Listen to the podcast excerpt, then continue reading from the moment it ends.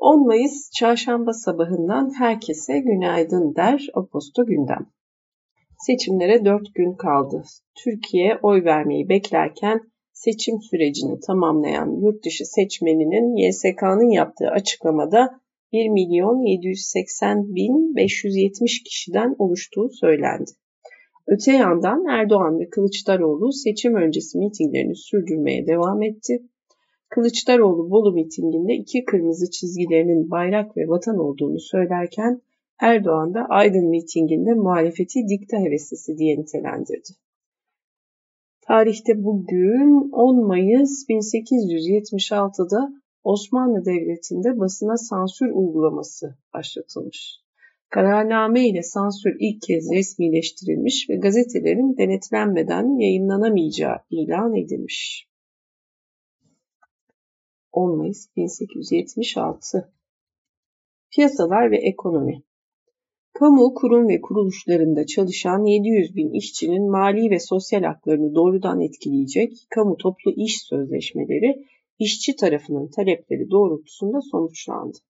Son toplantının ardından gerçekleştirilen imza töreninde konuşan Cumhurbaşkanı Erdoğan, refah payı dahil ücretlerde %45 zam yapıldığını belirterek en düşük kamu işçisi ücretinin 15 bin liraya çıktığını açıkladı. Bir adım geriden hükümet bir önceki görüşmelerde teklifini taban ücretin 12 bin liraya yükseltilmesi ve ilk 6 ay %40 zam olarak güncellemişti. Öte yandan memur sen memurlarla işçiler arasındaki gelir makasının yılbaşı itibariyle açıldığını bildirerek zaman kaybedilmeden ve Temmuz ayı beklenmeden seyyanen, seyyanen zam yapılmasını talep etti. Dahası Erdoğan ayrıca başkaca iş primi ödemesi bulunmayan işçilere %4-6 arasında prim ödemesi uygulanacağını gazi, terör mağduru ve şehit yakını işçilerin çıplak ücretlerine %10'luk ilave yapılacağını, gece çalışanların ücretlerinin %8 zamlı ödeneceğini, fazla çalışma ücretlerinde ise %70'lik artışa gidileceğini belirtmiş. Türkiye genelinde gayrimenkul satışları Nisan'da bir önceki aya göre %29 azalmış. Türkiye'nin altın ithalatı Nisan'da bir önceki aya göre %87 gerilemiş ve son bir yıldaki en düşük seviyesini görmüş. Borsa İstanbul Kıymetli Madenler Piyasası verilerine göre altın ithalatı geçtiğimiz ayda 2883 kiloya düşmüş. Mart ayında 21.670'miş. TÜİK kurumunun TÜİK enflasyon, istihdam, büyüme gibi alanlarda yayınladığı temel ekonomik göstergelerin şüpheli ve tartışmalı olduğu yönünde yer alan iddialar hakkında resmi istatistiklerin masa başında ve birkaç kişilik bir ekiple hiçbir uluslararası akreditasyonu olmayan gruplar tarafından gerçekçi bir şekilde hesaplanması mümkün değil açıklamasını yaptı. Dahası TÜİK tarafından üretilen istatistikler Eurostat tarafından da denetlenmekte olup Birleşmiş Milletler, IMF, OECD, ILO gibi birçok kuruluş ile de işbirliği içerisinde çalışılmaktadır. Resmi istatistik kapsamında üretilen ülkemize ilişkin göstergeler uluslararası birçok kuruluş tarafından sadece veri anlamında değil, veri kalitesi anlamında da takip edilmektedir ifadesine yer vermiş. Amerika'da tüketicilerin gelecek 12 ayı kapsayan kısa vadeli enflasyon beklentisi Nisan'da 0.3 puan azalarak %4.4'e gerilemiş. Bir adım sonrası ABD'de Nisan 2023 dönemine ilişkin enflasyon verisi bugün Türkiye saatiyle 15.30'da açıklanacakmış. Nisan ayı enflasyonuna dair piyasa beklentileri aylık %0.4 ve yıllık %5 artış yönünde. Çin'in ihracatı. Nisan'da bir önceki yılın aynı ayına göre %8,5 artarak beklentilerin üzerinde gerçekleşmiş. Çin'in ihracatı. Ülkede dolar bazında ithalat ise Nisan ayında yıllık bazda %7,9 oranında gerilemiş. Böylece Çin'in dış ticaret fazlası geçtiğimiz ay 90 milyar dolar düzeyinde olmuş. İş Dünyası ve Finans bölümü Sabancı Holding 2023 yılı ilk çeyreğinde net karını yıllık 118 artışla %118 artışla 6.6 milyar lira olarak açıklamış. Holdingin geliri 104 milyar lirayı aşarken yıllık büyüme %76 olarak gerçekleşmiş. BİM 2023 yılı ilk çeyreğinde 1.35 milyar lira net dönem karı elde etti. Şirketin bu çeyrekte net kar marjı bir önceki çeyrekteki %7,5 seviyesinden %2,6 seviyesine geriledi. Şirketin vergi öncesi karı 3,1 milyar lira, cirosu ise 51,36 milyar lira olarak beklentilere paralel gelmiş. Türk Telekom 2023 yılı ilk çeyreğinde net karını yıllık bazda %15 büyüme ile 645 milyon lira olarak açıkladı. Konsolide gelirler yıllık %61 artışla 15.3 milyar liraya yükselirken şirket aynı dönemde 3.3 milyar lira yatırım gerçekleştirdi. Şirketin faiz, amortisman ve vergi öncesi karı ise %31, marjı %31 marjla 4.8 milyar lira olarak açıklanmış. Bu arada bugün 10 Mayıs galiba bugün bitiyor ee, birinci çeyrek açıklamaları şirketlerin borsaya kote olanlar. Petkim'in 2023 yılının ilk çeyreğinde ana ortaklık net dönem karı 154.7 milyon lirayla 10 milyon liralık zarar beklentisinin üzerinde gerçekleşti.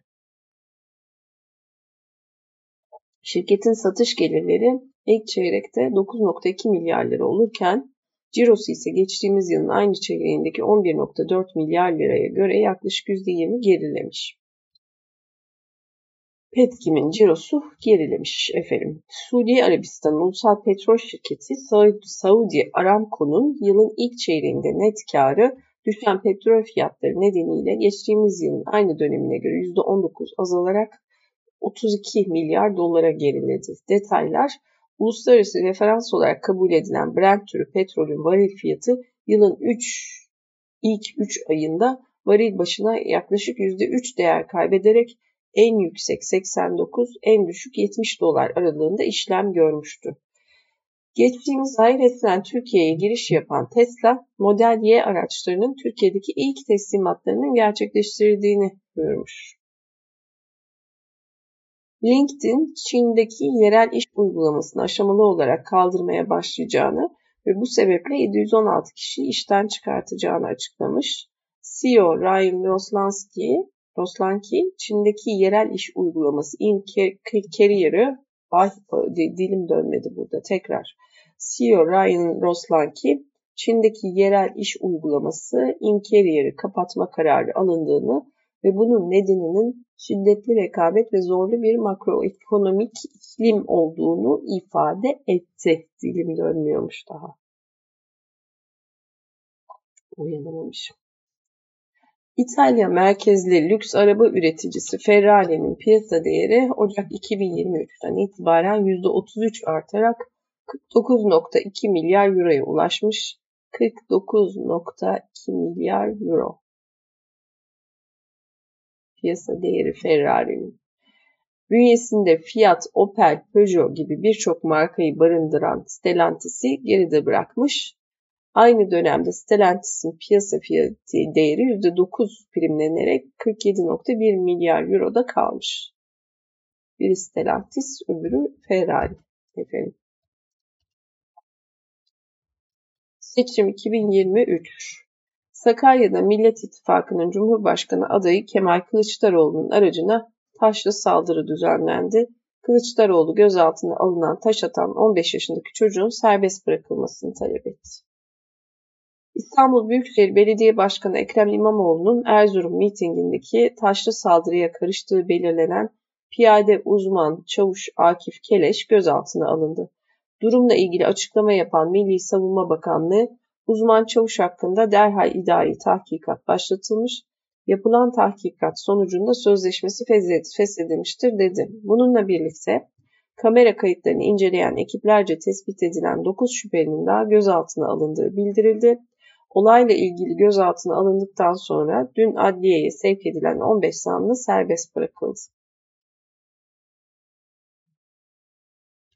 Geçiyorum bir iki şey var. Millet İttifakı'nın Cumhurbaşkanı adayı Kemal Kılıçdaroğlu Bolu mitinginde bizim iki kırmızı çizgimiz var. Bütün dünya duysun bayrağımız ve vatanımız kırmızı çizgimizdir bayrak ve vatan dedi.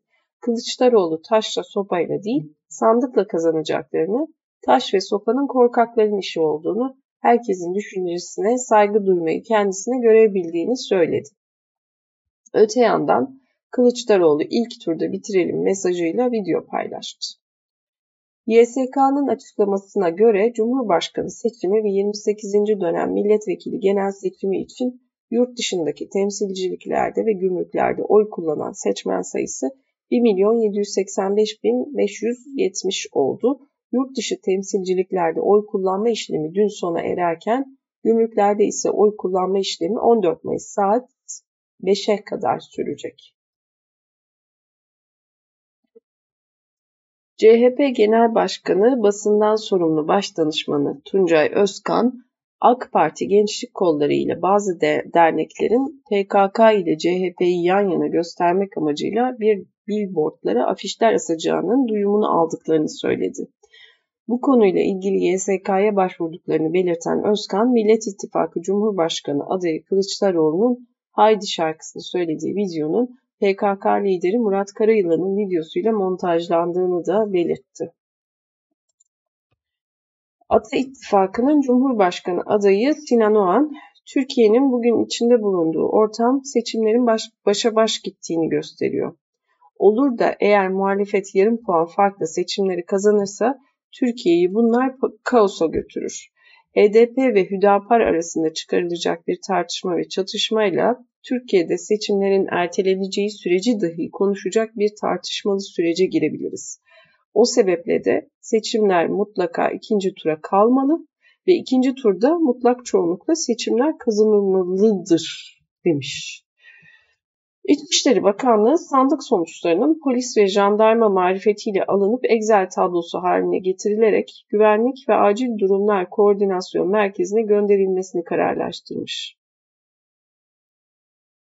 Bir adım geriden YSK'ya başvuran İçişleri Bakanlığı sandık bilgileriyle il, ilçe, mahalle, okul adı, sandık numarası ve seçmen sayılarını istemişti.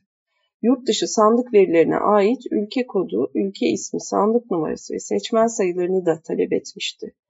İçişleri Bakanlığı'nın paralel YSK'sı CHP Genel Başkan Yardımcısı Muharrem Erkek tarafından duyurulmuştu. YSK Bakanlığı'nın yaptığı başvuruyu seçim seçim kurullarının işidir. Gamer'in seçim görevi bulunmuyor diyerek reddetmişti. Ama şimdi geldiğimiz noktada Güvenlik ve Acil Durumlar Koordinasyon Merkezi'ne gönderilmesini kararlaştırmış. Sandık sonuçlarının polis ve jandarma marifetiyle alınıp Excel tablosu haline getirilerek Gamer'e gönderilecekmiş. Peki. Bugünkü destekçimiz Odea Bank'tan Oksijen Hesap. Geçiyorum. Politika ve Türkiye kısmı. Avrupa İnsan Hakları Mahkemesi Türkiye'nin 15 yıl önce Uluslararası Af Örgütü'ne kestiği cezanın haksız olduğuna hükmetti.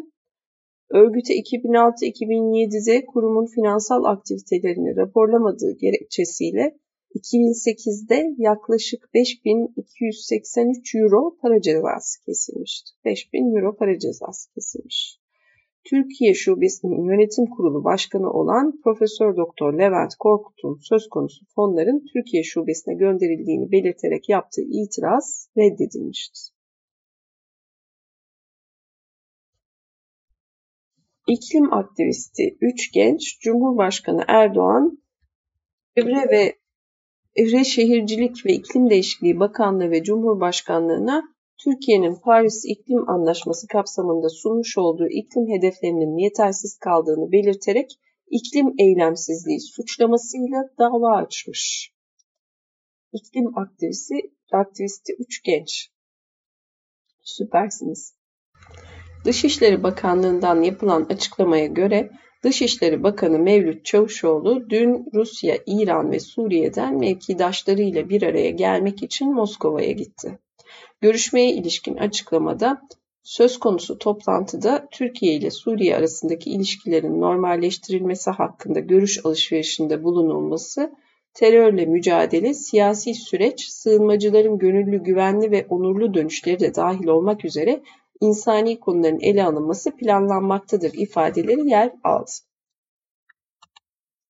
Diyarbakır Valiliği Dicle ilçesine bağlı Kurşunlu Düzlü ve Görüse Dağı bölgelerinin 19 Mayıs'tan itibaren geçerli olmak üzere 15 gün süreyle geçici özel güvenlik bölgesi ilan edileceğini duyurmuş. Bu kapsamda vatandaşların bölgeye izinsiz girmesi yasaklanmış. Nedir? Özel güvenlik bölgesi terör eylemleri nedeniyle yerleşim yerlerinin sosyal ve ekonomik gelişmesinin olumsuz etkilendiği zamanlarda ilan edilir.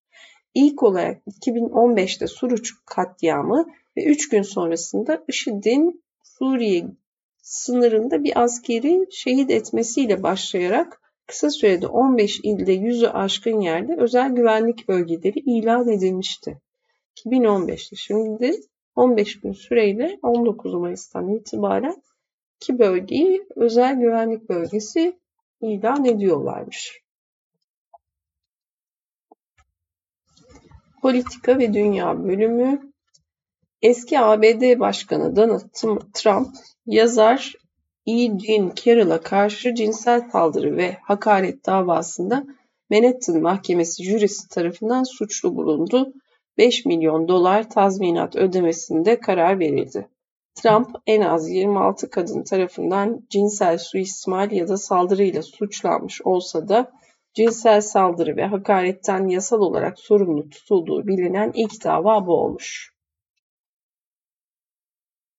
Eski Pakistan Başbakanı İmran Han, başkent İslamabad'daki yüksek mahkeme önündeki paramiliter yetkililer tarafından tutuklandı.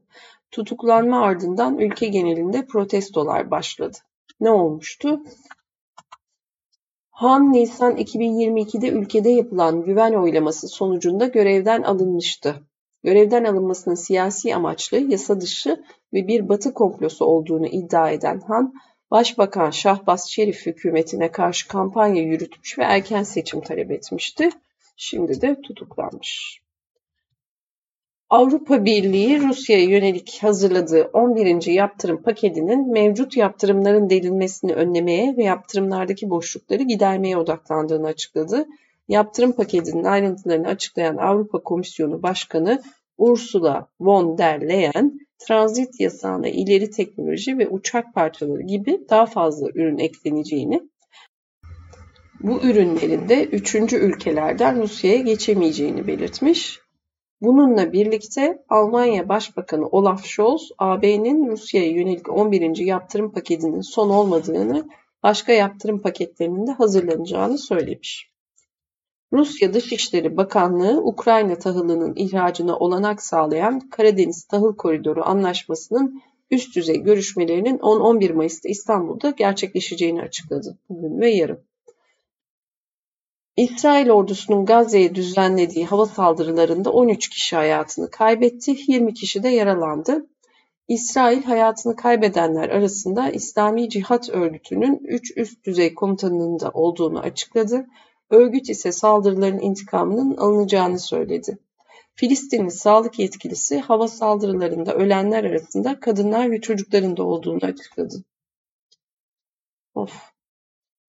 Dahası Birleşmiş Milletler ve Türkiye Dışişleri Bakanlığı yaptıkları açıklamalarda saldırıları kabul edilemez ifadeleriyle kınadı. Cumhurbaşkanı Erdoğan, Sudan Egemenlik Konseyi Başkanı El Burhan ile telefon görüşmesi gerçekleştirdi. Görüşmede Sudan'daki kardeş kavgasında can kayıpları ve yaralananların artmasından üzüntü ve endişe duyduğunu ifade eden Erdoğan, kapsamlı müzakerelere başlama kararı alınması halinde görüşmelere ev sahipliği yapmaya hazır olduklarını kaydetti. Rusya Devlet Başkanı Vladimir Putin, Sovyetler Birliği'nin İkinci Dünya Savaşı'nda Nazi Almanyası'na karşı kazandığı zaferin anısına kutlanan Zafer Bayramı sebebiyle Moskova'da düzenlenen geçit törenine katıldı. Törende yaptığı konuşmada Rusya'ya karşı gerçek bir savaş yürütüldüğünü söylerken Ukrayna'yı işgaline yine Nazizme karşı mücadeleyle ilişkilendirmeye çalıştı. Öte yandan Avrupa Komisyonu Başkanı Ursula von der Leyen ise Zafer Bayramı kapsamında Kiev'de Ukrayna Devlet Başkanı Volodymyr Zelenski'yi ziyaret etti ve bir basın toplantısı düzenledi.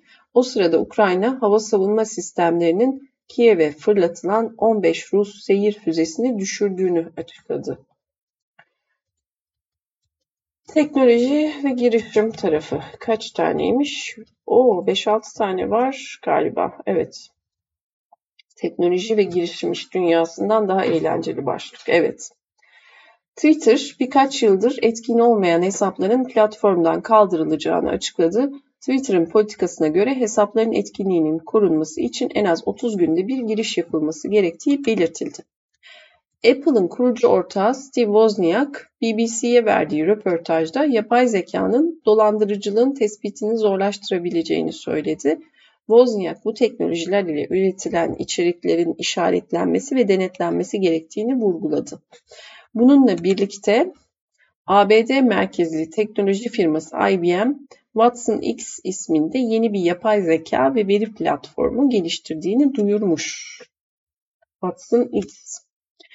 İsviçre merkezli emtia ticareti ve madencilik şirketi Glencore, elektrikli araçlara geçişle birlikte doğal kaynaklar alanındaki faaliyetlerini büyütmek amacıyla Avrupa'nın en büyük batarya geri dönüşüm tesisini kurmayı planladıklarını açıkladı.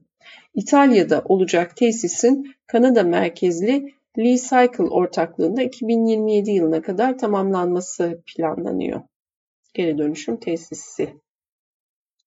İtalya'da olacakmış. İsviçre merkezli emtia ve madencilik şirketi Glencore İtalya'da Avrupa'nın en büyük batarya geri dönüşüm tesisini kuracakmış. Recycle ile birlikte 2027'ye kadar tamamlayacaklarmış. Tesla, Teksas'ta lityum rafinerisinin temelini resmen atarak kendi lityum, lityumunu rafine eden ilk ABD merkezli araç üreticisi oldu. Lityum. Peki, Teksas'ta lityum rafinerisinin temelini resmen atarak kendi lityumunu rafine eden ilk ABD merkezli araç üreticisi olmuş. CEO Elon Musk, rafinerinin 2025 yılına kadar 1 milyon elektrikli araç için yeterli pil seviyesinde lityum üretmesini hedeflediklerini ve bunun Tesla'yı Kuzey Amerika'da iki en büyük lityum işleyicisi haline getireceğini ifade etmiş. Samsung, ABD Gıda ve İlaç İdaresi'nin Galaxy Watch cihazlarının Health Monitor uygulamasında düzensiz kalp ritmi bildirimi özelliğini onayladığını açıklamış. Galaxy Watch Samsung e, bu özelliği de kalp ritmi bildirimi IHGN diye kısaltılmış. IHGN özelliğinin kullanılabilirliğinin pazara, operatöre, modele ve eşleştirilen akıllı telefona bağlı olacağını belirtmiş. Öte yandan orijinal modeli dışında belirli pazarlarda her Apple Watch 2019'dan beri IHGN özelliği sunmaktaymış zaten.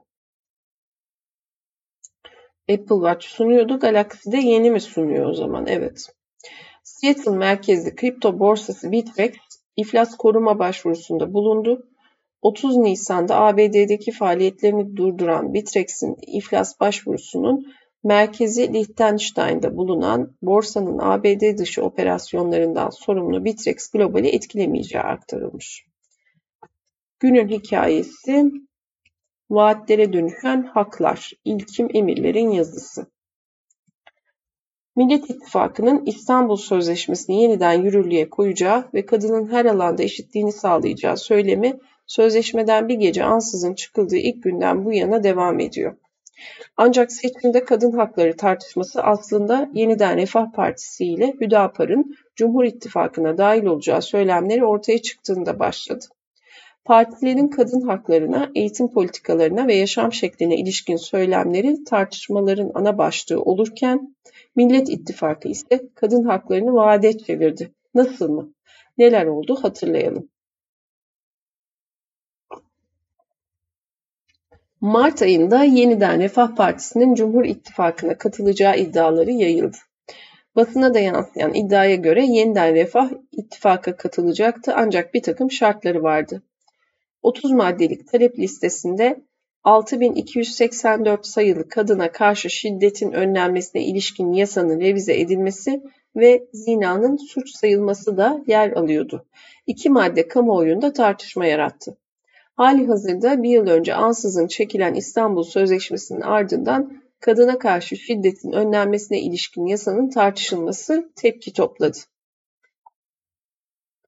Öyle ki daha önce mecliste yaptığı çıplak arama açıklamasıyla tepki toplayan AK Parti Grup Başkan Vekili Özlem Zengin, kanun için kırmızı çizgimizdir demiş. Daha sonra da bu kadar önemli bir konuda kadınları bu kadar rahatsız eden tartışma üslubuyla içerikten bahsetmiyorum. Başka bir konu var mı? Çok yalnızız. Bu konuya kimse girmek istemiyor çünkü hedef oluyorsunuz. İşte ben, ben AK Parti Grup Başkan Vekiliyim demişti. Aile ve Sosyal Hizmetler Bakanı Derya Yanık ise 6284 sayılı kanunun ruhuyla ve mevcudiyetiyle varlığı son derece önemlidir. Varlığının tartışmaya açılması dahi bizce kabul edilemez ifadelerini kullanmıştı. Kanun tartışılırken yeniden Refah'ın lideri Fatih Erbakan, mutabakat protokolünün AK Parti tarafından kabul edilmediğini bildirmiş ancak tartışmaya açık olduklarını söylemişti. Geçen birkaç haftanın ardından ki bu sırada Fatih Erbakan Cumhurbaşkanı adayı olarak YSK'ya başvurmuştu. Yeniden Refah'ın AK Parti'ye katıldığı mutabakat pro protokolünde de karşılıklı uzlaşıya varıldığı açıklandı. Yeniden Refah'ın Cumhur İttifakı'na katılımının yanı sıra Hizbullah'la organik bağının bulunduğu iddia edilen Hüdapar'ın da ittifak için AK Parti ile görüş, görüşmelerde olduğu açıklanmıştı. Görüşmelerden kısa süre sonra Hüdapar'ın ittifaka dahil olduğu, seçimlerde de Cumhurbaşkanı Erdoğan'ı destekleyeceği açıklandı. Henüz geçtiğimiz hafta AK Parti Grup Başkan Vekili Bülent Turan, Hüdapar'ın Cumhur İttifakı'na dahil olmadığını açıkladı. Peki Hüdapar kadın hakları için neler diyordu? 2023 seçim vizyon belgesinde 6284'ün değiştirilmesi, zinanın suç olması, nikahsız birlikteliklerin suç sayılması, kadının fıtratına uygun çalışması, nafakanın kaldırılması, karma eğitimin zorunlu olmaması gibi çok sayıda talep sıralayan Hüdapar tüm bu vaatler için mecliste olmaları gerektiğini vurguladı. Partinin lideri Zekeriya Yapıcıoğlu'nun da birkaç ay önce Hiranur Vakfı'ndaki cinsel istismar olayına ilişkin yaptığı kaç yaşında çocuk, neye göre, kime göre çocuk, bazıları 15 yaşındadır ama olgun gösterir. Bence kişi kendisini hazır hissediyor, ailesinin onayı varsa daha erken yaşta evlenebilir açıklaması da tepki toplamıştı. Muhalefet bu sırada ne yaptı? Yalnızca Millet İttifakı değil, Emek ve Özgürlük İttifakı da bu süreçte kadınlara yönelik söylemlere tepki gösterdi. Emek ve Özgürlük İttifakı'ndan Emek Partisi'nden yapılan açıklamada artık açık ve net görülüyor ki güç kaybeden AKP iktidarı seçim sattığı maline Cumhur İttifakı'na yeni aktörler ekleyerek girme ihtiyacı duyuyor. Kadınların yaşam hakkı Cumhur İttifakı'nın eriyen oylarını kurtarmak için heba edilebilir görülüyor. Bu çirkin pazarlık masasında nafaka hakkının gasp edilmesi şartı var. Yıllardır her fırsatını bulduklarında aşındırdıkları kadınların erkeklerle yasal eşit yurttaşlığının teminatı olan medeni haklar seçim kazanmak uğruna harcanabilir görülüyor ifadelerine yer verildi. Millet İttifakı'nın Cumhurbaşkanı adayı Kemal Kılıçdaroğlu da resim her geçen gün netleşiyor. Biz barışmanın, açık yaraları kapatmanın, makulün, dünya ile rekabetin ittifakını kurduk. Karşımızdaki ittifak gasp edilecek kadın hakları üzerinden genişlemeyi seçti. Söyleyeceğim tek şey kadınları bilhassa genç kadınları hiç tanıyamadıklarıdır açıklamasında bulundu. Millet İttifakı'ndan İyi Parti'nin lideri Meral Akşener, özellikle kadınlarımız karanlıkta yürümekten korkan, dayak yediğinde suçu çıkan, tecavüz edildiğinde o kadının suçu çıktığı bir Türkiye'yi ebediyen göndereceğiz. Ve bunun yerine kadınların başı dik, mutlu, gururlu ve kendilerine güvenerek hem çalıştıkları hem de ailelerini geçindirdikleri bir Türkiye'yi yeniden inşa edeceğiz. Cumhuriyete düşmanlıkların getirdiği nokta nedir size söyleyeyim. Bilinen noktada bayrağın renginden rahatsız olanlar federasyon isteyenler kadın haklarını zaten kabul etmedikleri gibi bırakın İstanbul Sözleşmesi'ni 62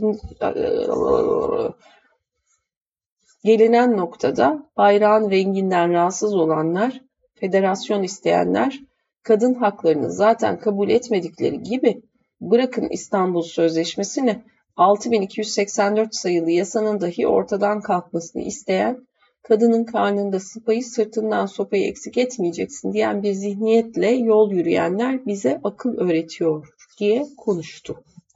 Hak savunmak mı, vaat etmek mi? Bir yanda kadın haklarının yok sayılma ihtimali gitgide artarken diğer yanda kadın haklarının savunulacağı mesajları veriliyor. Cumhur İttifakı'nda yer alan partilerin konuya ilişkin gitgide sertleşen söylemleri de muhalefetin kadın vurgusunu artırdı. Ancak artan vurgular hakların ötesinde vaatlere dönüşmeye başladı. Öyle ki yeniden Refah Partisi lideri Fatih Erbakan geçtiğimiz ay milletvekili adaylarını tanıttığı toplantıdaki konuşmasında İstanbul Sözleşmesi'nden çıkılması, LGBT sapkınlığına karşı uyanık olunmasına büyük katkıda bulunmakla övünmüş, partisinin seçim beyannamesinde süresiz nafaka mağduriyetinin giderilmesi, 6284 sayılı ailenin korunması ve kadına karşı şiddetin önlenmesine dair kanunun aile bütünlüğünü bozucu maddelerinin ayıklanması sözü verildiğini hatırlatmıştı. Ayrıca partinin Düzce'deki seçim aracında kadın milletvekili adayı Çiğdem Kulalı seçkinin fotoğrafı yerine silüeti kullanılmıştı. Bir yanda Hüdapar'ın, bir yanda Yeniden Refah Partisi'nin kadın haklarına yönelik keskin tavırları ve söylemleri Cumhur İttifakı'nın oluşturduğu tabanının tamamına hitap etmese de karşılık bulduğu değerlendiriliyor.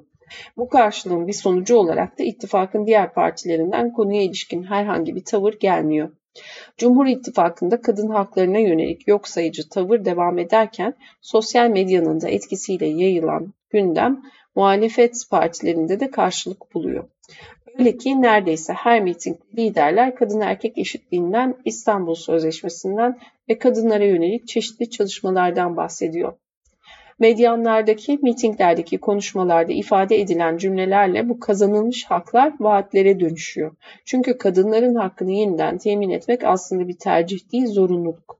Taraflardan biri türlü nedenlerle bunu tercih etmezken diğeri ile ise bunu tesis edeceği söylemini karşı tarafın olumsuz tavrı üzerine konumlandırıyor. Çözüm Türkiye kadına şiddet ve kadın cinayetleri başta olmak üzere kadın haklarına ilişkin büyük bir sınav veriyor. Örneğin kadın cinayetlerini durduracağız platformunun verilerine göre Nisan ayında 21 kadın cinayeti işlendi, 23 kadın ise şüpheli şekilde ölü bulundu. Hali hazırda kadın istihdamı ve eşit ücret gibi ekonomik sorunların da bulunduğu Türkiye'de tüm bu sorunların ideolojilerden sıyrılarak partilerin vaatlerinde yer, yer alan açıklamalarda değil, devlet politikası olması gerekiyor. Gayet net söylenmiş, ek söylenecek bir şeye gerek yok. Pareto içgörü ayrımadan önce kısmı Pareto içgörü yapay zeka yatırımcıdan iyi yatırım yapabilir mi? Yapar tabii. Niye yapmasın? Matematik verileri bir de şey yapacak. Yani en azından kullanırsın ondan gelecek analizi. Çok daha kapsamlı toparlar bütün verileri yapar değil mi? Öyle diyemeyiz tabii bu yazıyı okumak lazım.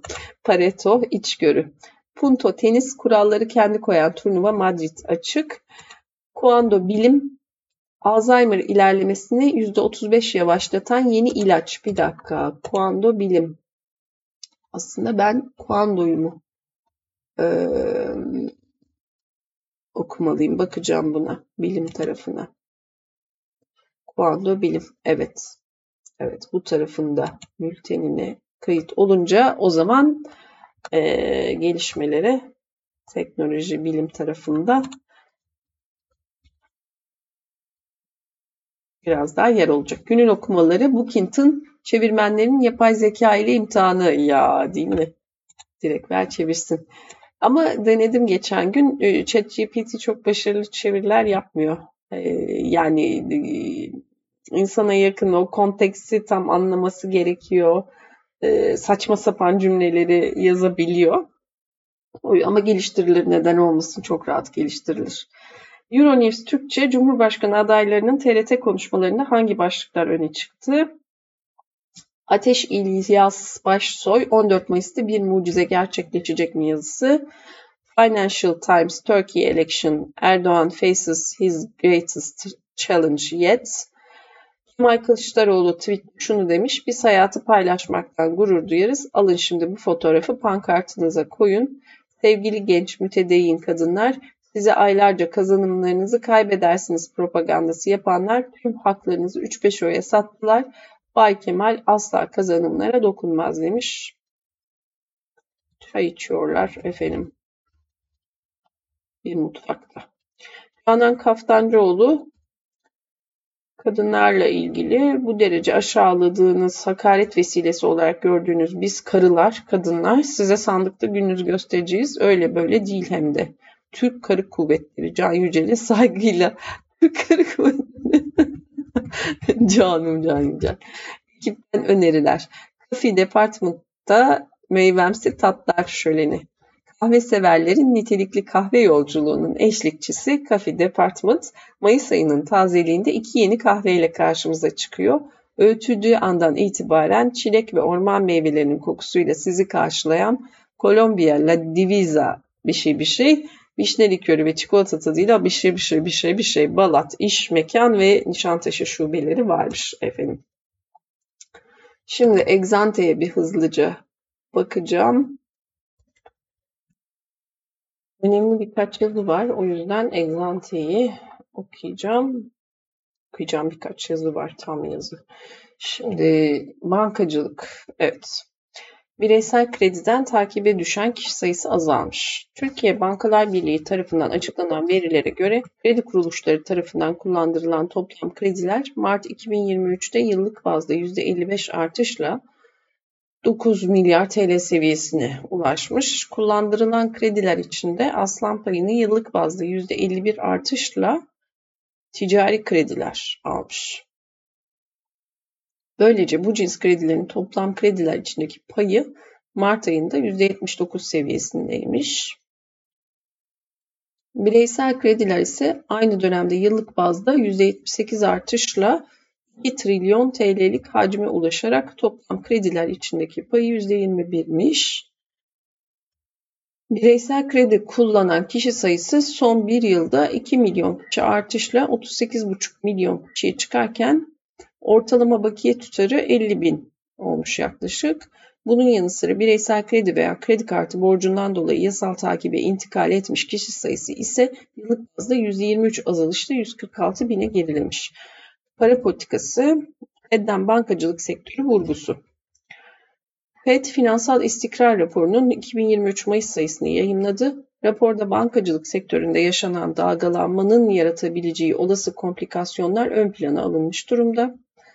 bilgisi Fed yönetiminin finansal sisteme dair genel değerlendirmelerini içeren rapor her yıl iki kez Mayıs ve Kasım aylarında yayınlanıyor. Yayınlanan sayı kurumun 2023 yılında kamuoyu ile paylaştığı ilk rapor. Sistemin zayıf noktaları. FED finansal sistemin olası zayıf noktalarını dört ana başlık derlemiş durumda.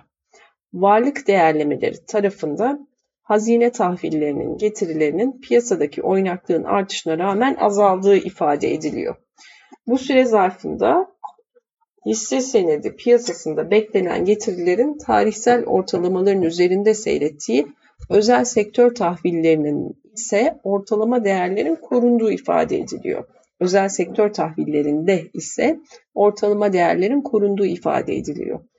Gayrimenkul tarafında ise tüm segmentlerde yüksek seyrin korunduğu raporda teyit ediliyor. Bu yüksek değerlemelerin ve ortalamalar üzerindeki seyrin ise varlık fiyatlarında beklenmedik anlarda yüksek fiyat hareketlerine yol açabileceğine dikkat çekiliyor.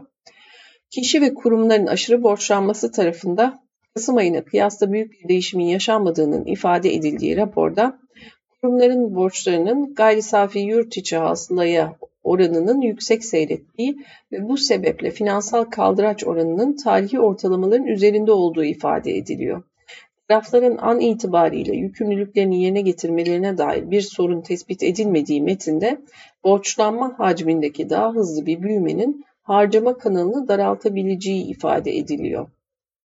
Bu da ekonomik büyüme üzerinde bir risk unsuru olarak tanımlanıyor. Raporda ifade edilen üçüncü zayıf nokta, finansal sektörün sahip olduğu yüksek kaldıraç olarak ifade ediliyor. Kurumların olası kötü şoklar karşısında maruz kalacakları zararı olağan operasyonlarında bozulma yaşamadan karşılayamayabilecekleri ifade edilirken böylesi bir durumun kurumların kapanmasına dahi sebep olabileceği vurgulanıyor. Raporda sigortasız mevduat hacmindeki büyüklük, sabit getirili kıymetlerin adil değerlerindeki düşüş eğilimi bu riskin ise kredi kanalları aracılığıyla ekonomik aktiviteye olumsuz etki yaratabileceği değerlendiriliyor. Vurgulanan dördüncü nokta ise fonlama riskleri başlığı altında değerleniyor. Yani neymiş? Ee, aşırı borç, varlık değerlemeleri, kişi ve kurumların aşırı borçlanması, yüksek kaldıraç, fonlama riskleri, Silicon Valley Bank, Signature Bank ve First Republic Bank'ın sahneden çekilmesine yol açan mevduat çekimlerinin diğer bankaların fonlama kabiliyetleri üzerinde olumsuz etki yaratabileceği ifade edilirken bu etkinin sigortasız mevduat hacmi yüksek olan ve faiz riski taşıyan kurumlarda daha yüksek olacağı belirtiliyor.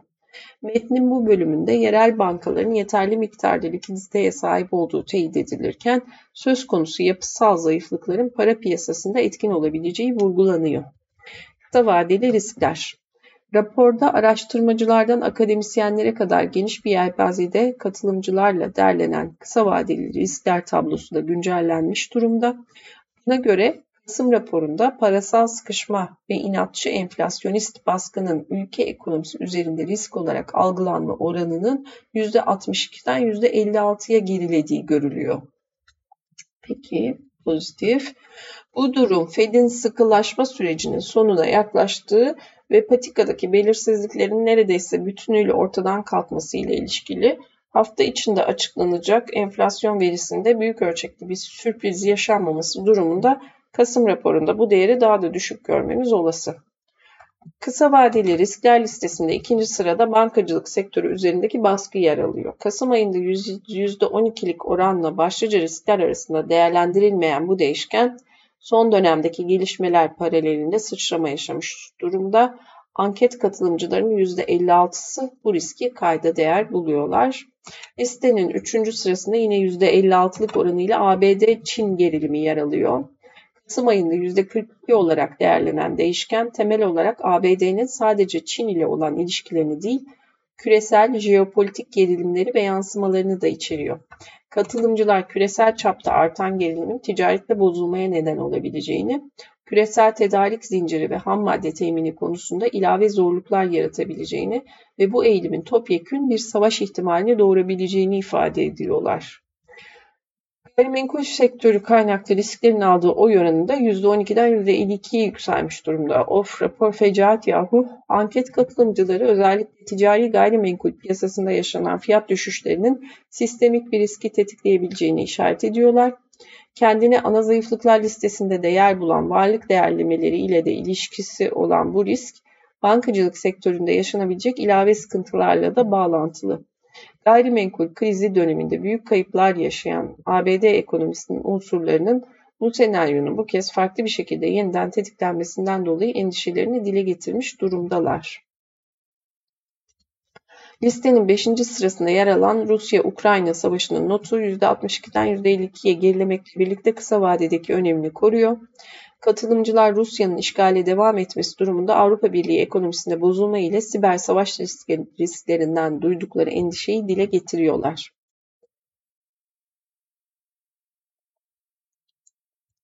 Riskler listesinin son önemli maddesi ise borçlanma limiti. Anket katılımcıları söz konusu riskin fonlama piyasasında aksamalara yol açabileceği ve finansal koşulları daha da sıkılaştırabileceğini ifade ediyorlar. Bu kapsamda faizlerin yüksek seyrinin orta vadede kamu maliyesi üzerinde kırılganlık yaratabileceği de ifade edilen ayrı bir unsur olarak öne çıkıyor. Riskler listesinin diğer maddeleri ise volatilite, regülasyonların kapsamı dışında kalan banka dışı finansal kurumlar ve sürdürülebilir kamu borcu olarak sıralanıyor. Katılımcıların 12 ila 18 aylık zaman zarfı içinde potansiyel olarak en yüksek değer verdiği, değeri verdiği riskler ise parasal sıkılaşma ile Rusya-Ukrayna savaşı olmayı sürdürüyor. Hatırlatma dozu Fed'in kıdemli kredi yetkilisi görüş anketi sonuçlarına göre bankaların Fed'in parasal sıkılaşma döneminin sonlarına doğru dahi kredi şartlarını, koşullarını sıkılaştırmaya devam ettiği ifade ediliyordu. Ayrıca Goldman Sachs, Fed'in piyasa tarafından fiyat, fiyatlanmaya başlayan yıl sonu faiz indirimi serisinde piyasa kadar agresif davranmasını beklemediklerini açıkladı. Kurum Fed'in politika faizini en az 6 ay daha sabit tutacağı görüşünde. Bugünkü destekçi Alternatif Bank'tan Engelsiz Bankacılık Terimler Sözlüğü. Politik ekonomi Avrupa 11. yaptırım paketini duyurdu. Bunu da okuyacağım. Avrupa Komisyonu Başkanı Ursula von der Leyen, e, geçiyorum bunu, hmm, paket kapsamında ileri teknoloji ürünleri ve uçak parçaları gibi ürünlerin transit yasağına dahil edilerek üçüncü ülkelerden Rusya'ya geçişlerinin engellenmesi gemiden gemiye transfer yapma yoluyla yaptırımları ihlal ettiğinden şüphelenilen ya da ihlal ettiği tespit edilen petrol tankerlerinin Avrupa limanlarından men edilmesi, üçüncü ülkelerdeki gölge varlıkların yasaklanması gibi yaptırımların hayata geçirilmesi hedefleniyor. Rusya'dan ithalatımızı yaklaşık 3'te 2 azaltarak Rusya'yı önemli gelir akışlarından mahrum bıraktık demiş. Rusya'nın petrol sevkiyatı Bloomberg tarafından 5 Mayıs 2022'den bu yana toplanan verilere göre Rusya'nın deniz yoluyla gerçekleştirdiği petrol sevkiyatlarının son 4 haftalık ortalaması bütün yaptırımlara rağmen rekor seviyeye ulaştı. Verideki artışta Çin ve Hindistan'a yapılan sevkiyatlardaki yükseliş etkili oldu. Öte yandan e, Kipler verilerine göre Hindistan ham petrol ithalatının yaklaşık %44'ünü Rusya'dan yapıyor. Bunun yanı sıra ülke aylık yaklaşık 3.7 milyon ton ile Avrupa'ya en çok işlenmiş petrol ihracatı yapan ülke konumunda. Yani ambargolar nedeniyle Avrupa'ya satılamayan Rus petrolü önce düşük fiyatlı Hindistan'a satılıyor. Ardından burada işlenip Avrupalı şirketler tarafından satın alınarak Avrupa'ya götürülüyor. Çok iyi. Ülkenin petrol gelirleri ise sevkiyatlardaki artışa zıt olarak düşme eğiliminde Rusya Maliye Bakanlığı tarafından yapılan açıklamaya göre ülkenin petrol ürünlerinden elde edilen bütçe gelirleri Nisan ayında %67 azalışta 6.4 milyar dolara düşmüş. Yaptırımlar ve tavan fiyat uygulaması nedeniyle Batı dünyasına satılamayan Rus petrolü piyasa fiyatının altında bir seviyeden Çin ve Hindistan gibi ülkelere ihraç ediliyor. Doğudan haberlere gelecek olursak efendim. Doğudan havadisler. Japonya Merkez Bankası Başkanı Kazuo Ueda parlamentoda yaptığı konuşmasında sürdürülebilir ve istikrarlı bir şekilde %2 enflasyon hedefine ulaşacaklarının gösteren bir enflasyon görünümüne sahip olduklarında getiri eğrisi kontrolünü bırakıp bilançolarını küçültmeye başlayacaklarını ifade etti. %2 enflasyon hedefine ulaşacaklarını gösteren bir enflasyon kötü olmamış bu cümle.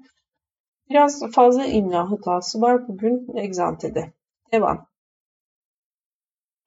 Dış ticaret verileri geçtim. Bunu öbür tarafta okudum. Gündemden diğer başlıklarda ne varmış? Borsa İstanbul verilerine göre bunu da okudum altını. Ee, Çalışma ve Sosyal Güvenlik Bakanı Vedat Bilgin Temmuz ayında asgari ücrete yapılması planlanan zamma ilişkin sorulan soru üzerine Temmuz'da reel alım gücünü koruyacak şekilde düzenleyeceğiz. Cumhuriyet tarihinde dolar bazında 455 doların üzerinde en yüksek seviyeye çıkaran bir düzenlemeyi Ocak ayında yaptık. Temmuz'da da aynısını yapacağız. Aşağı yukarı 500 dolar bazında bir oran olacak. Çalışmalarımız hazır cevabını vermiş. Ee, Çevre ve Şehircilik Bakanlığı Tapu ve Kadastro Genel Müdürlüğü verilerine göre Nisan ayında yaklaşık 215 bin gayrimenkul satışı gerçekleşmiş. Evet, egzantede biter. Yatırım ve piyasalar tarafı analitik görünüm ne diyor? BIST 100 dün, dün günün ilk yarısındaki hareketle test ettiği 4622 seviyesinden geri çekilme yaşadı. Kapanış 4536 seviyesine gerçekleşti. BIST'te 200 günlük ortalama bölgesi civarından başlayan hareket geçerli durumda. Bununla birlikte kısa periyot için geçiş bölgesi olabileceğini düşündüğümüz 4630-4720 bandı altındaki harekette korunuyor. Bu bölgeye kadar oluşabilecek hareketleri sınırlı olan tepki çabası, çabası olarak değerlendirmeye devam ediyoruz. Bandın aşılabilmesi durumunda saatlik periyotta yeni bir iyimserlik gelişebileceğini belirtebiliriz. 4720 bandı. Bu durumda 4778-4950 bandına yönelik yeni bir hareket daha mümkün olabilecektir. Evet. Peki şu var yurt dışı piyasalarla ilgili ona belki bir bakabilirim. Bir şu hop bir senete de bir bakacağım. 10 Mayıs çarşamba seçim öncesi son 3 güne girdik. Bu 3 günün nasıl geçeceği bilinmezliklerle dolu. Yapılan işlemlerle, işlemlerden de belli hiç para girişi olmadan %3,5 yükseliş ardından para çıkışı olmadan binde 5 gerileme bu esnada çoğu senet düşerken bankaların prim yapması vesaire. Umarım seçim ilk turda biter ve belirsizlik sona erer yoksa 2 hafta daha bekleriz. Evet. Belirsizliğe devam bu taraftan. Ee, şuna bakacağım. Yurt dışı piyasalar, makroekonomik gelişmeler. Bu da GCM yatırımdan gelen GCM Yatırım'ın haberleri. Şöyle bir derli toplu e, mu diye bakıyorum. Asya borsaları enflasyon öncesi negatif. Bugün ABD'de açıklanacak Nisan ayına ilişkin enflasyon verisi öncesinde risk iştahında düşüş görülürken Asya seansında genel olarak negatif seyir izlenmiş. Piyasalar bir taraftan Fed'in faiz artırımlarının büyük ihtimalle sona ermiş olduğu senaryosundan destek alsa da ekonominin yavaşlama potansiyeli risk iştahını baskılayarak pozitif etkinin büyük kısmını sönümlüyor. Bu nedenle ABD'de açıklanacak enflasyon iki unsurun yorumlanması için de önemli bir gösterge olarak kabul ediliyor. Biden yönetimiyle kongredeki grup liderleri arasında ABD'nin temerrüde düşmesini önleme konusundaki görüşmelerde çok az ilerleme kat edildi. Biden ve McCarthy Cuma günü tekrar bir araya gelineceği konusunda anlaşmışlar. Şimdi tek tek ülke Amerika var, Türkiye var. Başka bir şey var mı burada? Yok. ABD için ne diyor? Nisan ayı enflasyonu. Fed'in geride bıraktığımız hafta 25 bas puan faiz artırımı ardından tahvil ve swap piyasası Temmuz ayında ilk faiz indiriminin gelebileceği yönünde eğilim gösterdi. Temmuz tahminleri verilerle birlikte sıkça değişim gösterebilir. Ancak yılın sonuna doğru faiz indirimlerinin yıl sonuna doğru başlayabileceği beklentisine katılıyoruz. Powell faiz indirimleri konusunda katı olmayı sürdürürken bunun yerine veri odaklı seyrin ağırlık kazanacağını ve kararların toplantıdan toplantıya değerlendirileceğini belirtti. Bu da Nisan ayına ilişkin enflasyon verisinin hali hazırda dikkatle takip etsek de önemli bir kat daha arttırdı. Enflasyon Fed'in %2 hedefinden hala uzak olsa da faizin inme ihtimalini kuvvetlendirebilecek ivme kaybı oluşup oluşmayacağı takip ediliyor olacak. Piyasa beklentisi Nisan ayında enflasyonun yıllık bazda %5 olarak kalmaya devam edeceği yönünde. Enflasyon Mart ayında %6'dan %5'e gerilemiş. Buna en büyük katkıyı enerji fiyatlarının sağlaması nedeniyle çekirdek enflasyonda yükseliş izlemiştik. Çekirdek enflasyonun bu kez ivme kaybıyla birlikte 5.6'dan 5.4'e düşmesi bekleniyor. Enflasyonda ivme kaybının beklentilere paralel olarak gerilemesi özellikle çekirdek enflasyonda görülebilecek gevşeme Temmuz'da ilk indirim beklentilerinin canlı kalmasını veya artmasını sağlayabilir. Türkiye'de sanayi üretimi, sanayi üretimi Şubat ayında bir önceki yılın aynı dönemine göre %8 daralmıştı. Mayıs 2020'den bu yana en sert düşüş yaşanırken deprem felaketinin etkileri de bu tabloda etkisini göstermişti. Madencilik tarafında %18 daralma liderlik ederken imalat üretimindeki %8'lik daralma bunu takip etmişti. Mart ayında üretimin önceki ay gerçekleşen sert daralmaya rağmen gerilemesini sürdürmesi bekleniyor. İşsizlik oranı Şubat ayında işsizlik oranı %9.8'den %10'a yükseldi. İşsiz sayısı 361 bin arttı diye devam ediyor. Peki günün önemli takvimlerini vermiş. Tam petrol stokları, benzin stokları bugün saat 17.30'larda. Evet. Sonra e, şimdi bu benim için aslında bir çalışma, küçük ders çalışma yapıyorum kendime. Biraz da çünkü Forex tarafını anlamaya çalışıyorum. Onun için şimdi euro dolar tarafı ile ilgili euro dolar euro dolar hafta ortasında dolar endeksinin kısa vadede yükselişlerini baskılaması euro dolar paritesinin geri çekilmelerini sınırlandırmasına destek vermiş. Gün içinde ABD tüfe verileri parite üzerinde olası etkilerinden dolayı takip edilebilir diyor. Euro dolar paritesi kısa vadeli fiyatlamalarını teknik olarak değerlendirdiğimizde beklentimiz negatif yönde diyor. Düşüş eğiliminin sürmesi halinde 1.0960 falan seviyelerine doğru hareket alanı oluşabilir vesaire. Özetle Euro dolar paritesi kısa vadede 1.0990 1.1025 bölgesi altında hareket ettiği sürece beklentimiz negatif yöndedir diyor Euro dolarla ilgili. Dım dım dım. Negatif yönde bizim beklentimiz diyor. Peki GBP dolarla ilgili ne diyor? GBP dolarla ilgili şunu diyor.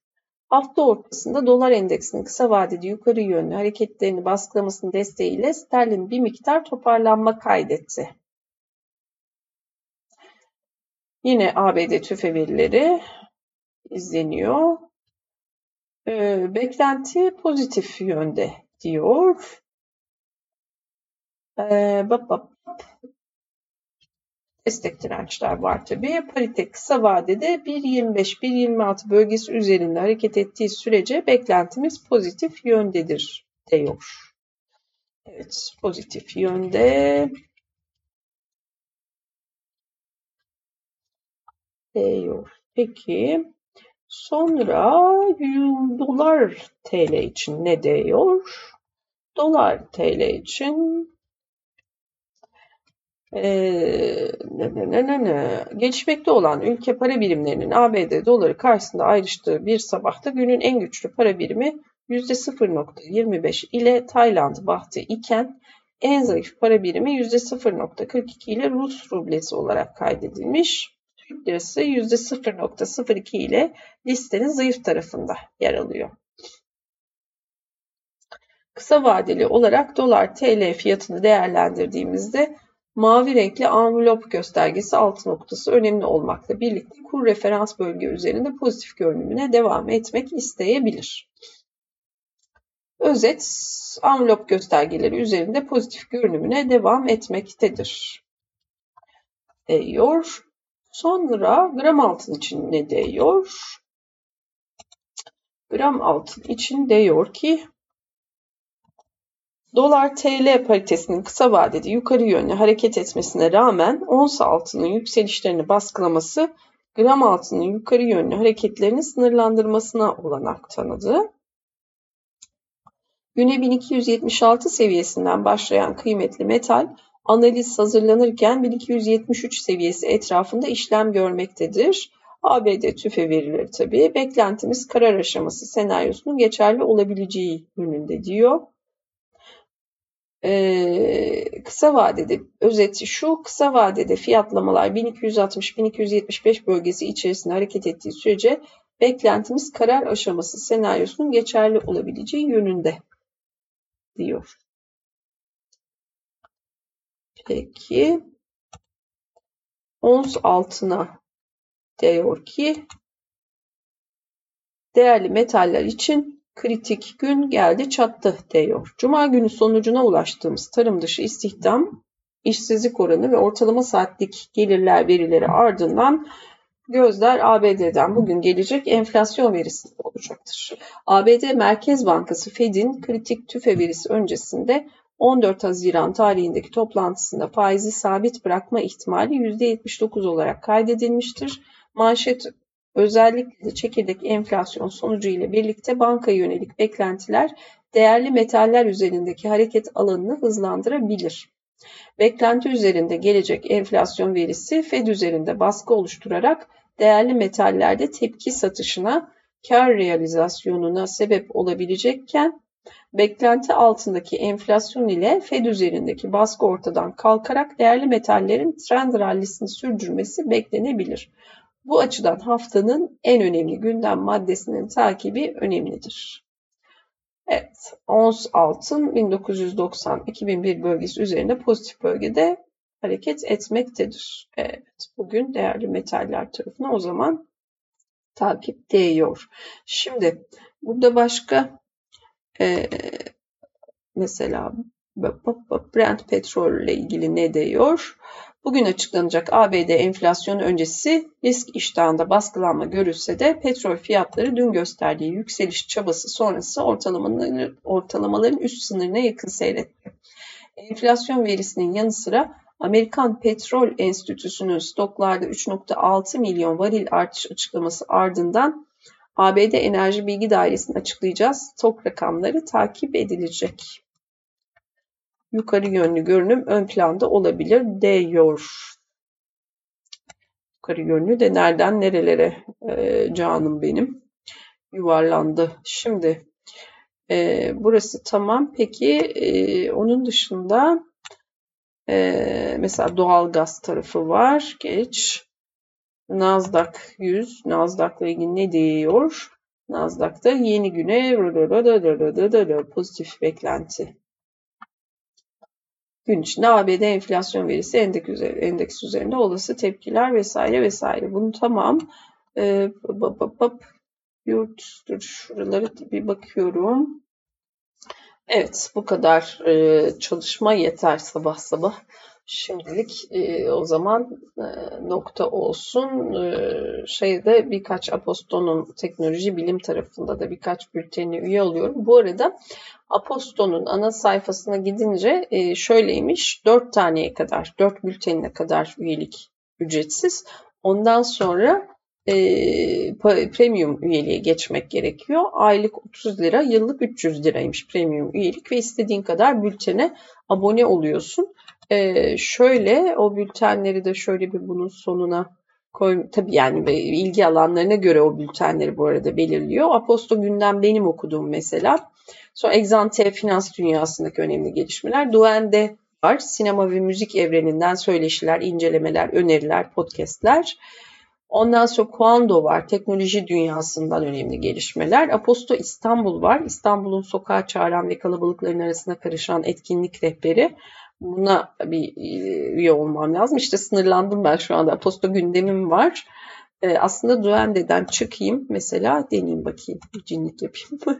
Hayır dörtten fazla bir bakacağım. Dörtten fazla üye olacaksam vallahi de billahi de, de üye olup aylık abonelik yapacağım yani. Neden yapmayayım? Ondan sonra Pareto var. İş dünyasındaki e, en önemli gelişmeler. Ee, ondan sonra angst, gündelik hayatımızın ekonomik, sosyal ve kültürel çıkmazları, Punto, sporla ilgili, Spektrum, Türkiye'yi yakala, dünyayı anla, Apero, yemekler, e, restoranlar, barlar herhalde, Soli, mahallenin esnaflarının, binalarının, sokaklarının, insanların hikayesini anlatıyormuş. Aposto gün sonu var bir de. Bunun dışında Aposto Playground gibi kendi denemelerini yaptıkları var mesela. Fintech İstanbul var bankacılık ve ödeme teknolojilerinde haftanın öne çıkanları, bu hafta ne izlesem var, dijital platformlardan izleme önerileri, çevreci geek, iklim haberleri, onu izledim ben, kişisel sinema yayını, zapt zamanlar, kitaplar ve podcastler üzerine uzunlu kısalı, doğadan yemeğe, edebiyattan ekonomiye okuma ve dinleme notları, kripto küratör, her hafta binden fazla kripto yatırımcısının bilgi kaynağı, Geleceğe dönüş varmış. Yapay zeka, blockchain, sanal gerçeklik ve 3D yazıcılar olmak üzere yıkıcı teknolojilerle ilgili yaşanan gelişmeler. Bir de döngüsel ekonomi, sektör incelemeleri, küresel gündemden örnekler, e, bir kitap, bir mekan kitap önerileri var mesela falan filan gibi. Kelimelerin kökleri, tarihleri, anlamları, bitkiler eşrafından dedikodular. Yani her ilgi alanına göre herhalde bir takım farklı farklı küçük küçük bültenleri var. Seviyorum sizi diyerek şimdilik noktalıyorum. Ben bunlara dalarsam herhalde bütün günü bir, bir onu okuyayım bir bunu okuyayım. Oyun bahçesi yani gerçekten kocaman bir oyun bahçesi yapmışlar. Nokta o zaman şimdilik güzel bir gün olsun.